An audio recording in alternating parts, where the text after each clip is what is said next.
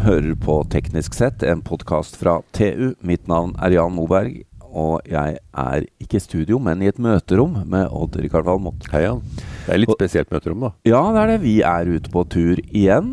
Det er vi. Ja, og denne gangen så er vi en eh, ja, sånn grovt sett eh, 1500 km hjemmefra. I, men i Norge. Ja, jeg skulle til å si at vi er østen for eh, Istanbul, ja, og så kunne folk gjette litt, men nå har du sagt vi er i Norge. ja, det, ja. Men det, men det Men- er jo er jo- spesielt, for uh, Men det er jo ikke mange nordmenn som vet at her Vi kan jo røpe at vi er i Kirkenes. Ja. At det er øst for Istanbul. Nei, da, da Og det er jo en tidssone eller to. Ja, det er vel nesten to. Ja, og da, da, da tenker jeg det at eh, ok, vi må komme oss ut fra Oslo-gryta mer oftere, Odd Rikard. Det må vi. Og det, det her har vært en opplevelse. Det er, vi er førstegangsreisende begge to. Ja da. Så det har virkelig vært. Og nå er vi da hos uh, noe som uh, jeg ikke tenkte i det hele tatt at jeg skulle finne uh, i Kirkenes. Men vi er hos det vi kan kalle Norges østligste, i hvert fall, og kanskje verdens nordligste elektronikkprodusent. Ja. Og ikke glem verdens beste, da. Nei, nå, nå, nå kom stemmen inn her. Det var fra daglig leder Bård Gamnes i Barel. Eh, God dag. takk for at vi fikk komme til deg, eh, Bård. Jo, selv takk. Men eh, elektronikkprodusent i, eh, i Kirkenes, det var liksom ikke sånn eh, vi hadde gjettet på. Nei, det er jo forståelig nok, for så vidt. Det, det er jo som med mange andre norske selskapshistorier, kanskje, at det, det starter jo med en person. Ja.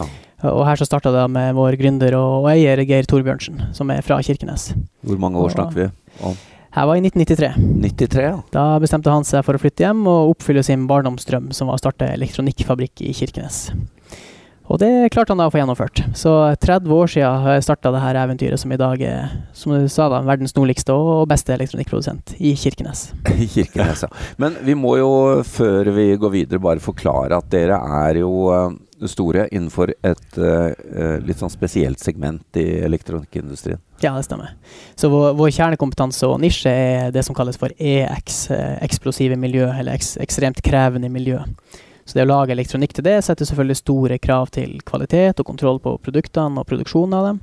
Eh, Og målet vårt er, hvis du husker den eh, O-fags branntrekanten, der du har brennbart materiale, oksygen og en gnist, så skal vi da, og vår elektronikk, aldri bli en gnist. Det er vårt mål. Mm. Så vi bruker mye tid på å sikre kretsene våre, eh, produksjonsteknisk og produktmessig, og, og også da til syvende og sist så støyper vi inn da hele elektronikken i, i støypemasse, for å sikre at det er helt trygt. Hva er hovedmarkedet for sånt, da? Vi selger spesielt mye til eh, marine og cruiseindustri, og selvfølgelig også til offshore olje og gass er et eh, stort marked for oss i Norge. Ja, og det, det var jo sånn, det har vi skjønt i ettertid, eh, Bård, at eh, da vi fløy opp her i går, så kom vi med et relativt nytt Airbus-fly. Og eh, der er, var det Barel-komponenter om bord. Der var det gode lys, kan jeg tro. Ja. Ja. Ja, det, ja, ja, vi har jo eh, holdt på som sagt siden 93, og siden 95 begynte vi å lage EX-elektronikk, og, og har jo bygd da på en eh, veldig god kvalitetsproduksjon i, i Kirkenes. Og det er jo en del andre markeder og produkter også som krever tilsvarende type kvalitet, og en av dem er jo da flyindustrien. Så der begynte vi å snuse tidlig på om det var mulig til å få produsert et eller annet til et fly. Det syns vi hadde vært veldig kult. Ja, for det var et mål i seg selv å komme inn i den Det, industrien. det var litt av målet, ja. Å Ja. kunne si at uh, i flyindustrien så er også Barel representert. Ja. Så det tok eh, noen år, men eh, rundt 15 år siden så klarte vi da å få en avtale med en av bl.a. Airbus sine leverandører om å levere da interiørbelysning og nødlys til, til flyindustrien. Så det har vi gjort siden da. Så nyere Airbus-fly har da alle nødlys produsert hos Bar eller Kirkenes. Ja, når jeg sitter og ser på nødlys, da snakker vi om stripene i gulvet eller skiltet på Det er skiltet der det står 'Exit', og Ja. en del toalettskilt og forskjellig sånt som Ja. er som produsert her i Kirkenes. Du kan ikke ordne det sånn at det der skiltet med sånn uh, SAS pluss, at det står bak meg, ikke foran meg når jeg sitter Du kan få med til lomma hvis du Ja. spør pent. det, det var jo tingen. Men, eh, men eh, når dere ligger eh, her hvor dere ligger, og eh, nå har vi fått litt sånn kjapp voksenopplæring i området her, og det er jo ikke langt til grensestasjonen mot Russland. Nei da, det er det ikke. Og det, var en mulighet som denne gründeren så den gangen. Ja. Så eh, slutten av 90-tallet, tidlig 2000, så var det jo en, en trend blant mange egentlig å trekke østover, se mot Baltikum, se mot eh, fjernere østover for så vidt. Eh, og det var det samme også i Kirkenes, men når man snudde seg østover, så så man jo eh, Russland rett over grensa. Vi ser jo Russland ut av vinduet på kontoret her for øvrig, sånn at eh, det er jo absolutt nært. Så da begynte man en prosess med å se på om det var mulig å få til produksjon av elektronikk i Russland, og få et samarbeid med et russisk selskap på det området. Hva var innfallsvinkelen da? Det var klart, Kost var jo selvfølgelig en innfallsvinkel Ja. der. Det var et lavkostland som lå nært, og det at det ligger så nært, gir deg veldig gode muligheter til, til eh, oppfølging av kvalitetskontroll, opplæring eh, og erfaringsutveksling. Ja, det blir ikke out of sight, out of mind. Det, det var mulig å Hvor langt er det til Murmansk herfra? Ca. tre timer å kjøre. Kjøre, ja. Så det, det er ikke langt, 200 km. Og, og det begynte vi da med tidlig 2000, og i 2002 etablerte vi da sammen med flere et selskap i, i Murmansk som driver med produksjon av elektronikk da, til Barel som eneste kunde. Så der har vi hatt en, en lukka sløyfe og, og egentlig hatt dem som vår eneste leverandør eh, på, på det området, og har vært, eller vi har vært deres egen eneste kunde. Det er, men det er et, separat selskap som dere samarbeider med, eller eier dere? Eh, Vi eier ikke det, men vår eier eier samme selskapet. Så Ja det har vært en, en, en, en sammenslutta konstruksjon, kan du si, men det er ikke noe formell juridisk binding Ja. mellom oss. sånn sett, nei. Men nå, da? Nei, I dag har jo situasjonen endra seg. Så det var jo inntil februar i fjor et 20-årig suksesseventyr, egentlig, som ble feira både politisk og medmenneskelig og folk-til-folk-samarbeid, og på alle mulige måter vært en, en stor suksess. Vi har klart i 20 år å, å drive ryddig og fint i Russland, og virkelig brukt den ressursen som det har vært, da, på en, en eksemplarisk måte. Ja. Eh, og så skjedde jo det som skjedde i februar i fjor, med invasjonen av Ukraina, og da snudde jo plutselig verdensbildet betraktelig, da. Ja, for de fleste vestlige land har jo trukket seg ut nå. Ja, mange har jo valgt å gjøre det. Ja. Og det er jo også dessverre noe som vi da ser oss nødt til, til å måtte gjøre. Så, så vi eh, så har starta jo prosessen egentlig øyeblikkelig i fjor med beredskapsplanlegging og sånt i tilfelle øyeblikkelig stengt grense, som var en fare, fare for oss. Eh, Men vi starta også plan for uttrekning strategisk for å, å fase ut produksjonen der. Må også bare skyte at Det har jo vært en, en strategisk plan lenge å, fase ned den manuelle produksjonen. Vi ser jo hvor verden er på vei mot mer og mer automatisering Ja, ja. av produksjonslinjer. Ja. Det å bruke manuell arbeidskraft i Russland ville blitt mindre viktig for oss i fremtida uansett. Mm. Så det har jo vært i planverket lenge, men vi måtte sette veldig fart på den planen da selvfølgelig i fjor. Men der er du inne på, på det, hvorfor dette har fungert godt for dere. Eh, det er jo det at de hadde faktisk eh, en kompetanse dere trengte Ja. i Russland, og som de leverte godt på. Levert ekstremt godt. Så der, der jobber det gamle syersker og flere andre typer personer som du tenker at ikke nødvendigvis hører hjemme i en, elektronikkfabrikk. Men det å montere på håndmonterte hullmonterte komponenter, det er de ekstremt kjappe og ekstremt kvalitetsbevisst på. Du, de hadde ikke pølsefingrene våre klart, Jan. Nei, men, eh, men altså, her, jeg, etter å ha vært nede på fabrikken Jeg kunne godt ha jobba, men jeg har vel ikke kompetansen til å, til å gjøre noe her, nei. Det har du rett i. Ikke kompetanse for store fingre. Det hadde ikke gått. Men eh, nå er det jo slik da at eh, dette er i sterk endring. Og dere har eh, gjort et grep som kanskje vil overraske noen, men eh, det er å tilby disse russerne jobb her i Kirkenes. Ja, vi, vi ønsker jo å, ta vare på de ansatte der borte. De eh, er jo også på mange måter ofre i, i situasjonen, da. Så det er et aspekt det medmenneskelige oppi det hele. Men, men samtidig er det jo også for Barel AS og virksomheten vår selvfølgelig eh, en, en rask og effektiv måte å få arbeidskapasitet opp i Kirkenes på. Ja, For automatiseringen går ikke så fort at ikke denne kompetansen er verdifull enda i noen år. Nei, det er riktig. Sånn at vi, når vi nå skal erstatte kapasiteten der borte over natta i Kirkenes eh, med sånn som i hele Norge, egentlig null arbeidsledighet jevnt over, så får vi ikke gjort det over natta. Og, og den erfaringa de har etter 20 år med å sitte og montere produktene våre, er helt unik. Så det å kunne flytte dem hit og tilby dem da arbeid i Norge, det syns vi som sagt da både er fint å kunne gjøre, og også viktig for oss å kunne Er kunne det få godt til mottatt uh, i Russland? Ja, det, det Hos de selvfølgelig og i, hos myndigheter, eller? Det er ingenting som tyder på at det skal være et problem, nei, foreløpig. Så for de ansatte så er det jo De er jo mest opptatt av å ha en jobb, selvfølgelig. Ja, ja. Men det er jo klart, det å forlate hjemme og familie og, og sånt, og reise og pendle kanskje til Norge og eventuelt flytte til Norge, det er jo et valg som jeg tror alle ville strevd litt med å, bare skulle gjøre, da. Mm. Bård, du er daglig leder her, og uh, med det har det jo ikke vært uh, uh, siden starten av karrieren. Du jobbet litt sørafor i noen år. Ja, det er det. Utdanna i Trondheim på, på NTNU, på Gløs. Og, eh, og flytta da til Oslo, som fleste andre gjorde etter det, selvfølgelig. da. Eh, Og jobba da som i consulting i Accenture og EU i mange år. Og Når eh, tok du over som daglig leder her? I januar i fjor. Januar i fjor, ja. En måned før det smalt. Så det var en interessant start på, på alt. Men altså sånn som jeg har forstått det, jeg har jo sett litt på sånne regnskapstall og sånn, så har jo dette vært stabilt, ganske godt drevet i, i mange år. Men, men eh, nå vil jeg tenke at nå er verdensmarkedet urolig og tidene er vanskelige og sånn, men det, det virker jo som etterspørselen etter eh, produktene og kompetansen deres er fortsatt høy, da. Ja, det er absolutt. Så det, i fjor så endte vi på rekordomsetning i, for 2022-året, til tross for alt det som har skjedd. Ja. Og, og klarte å opprettholde en veldig god resultatmargin også. Sånn at eh, vi, vi satt jo selvfølgelig på et sparebluss i februar, da vi så urolighetene. Eh, så jobber vi aktivt eh, med, med salg eh, og utad, selvfølgelig, for å sikre etterspørselen og, og ivareta det.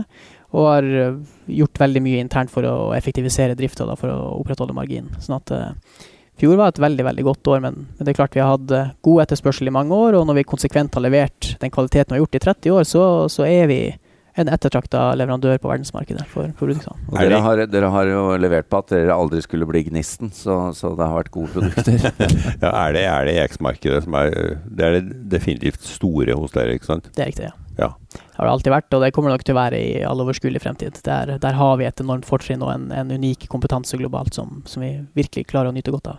ja. Hvor stort er det markedet? Altså, er det nok å ta av for Ja, ekspansjon?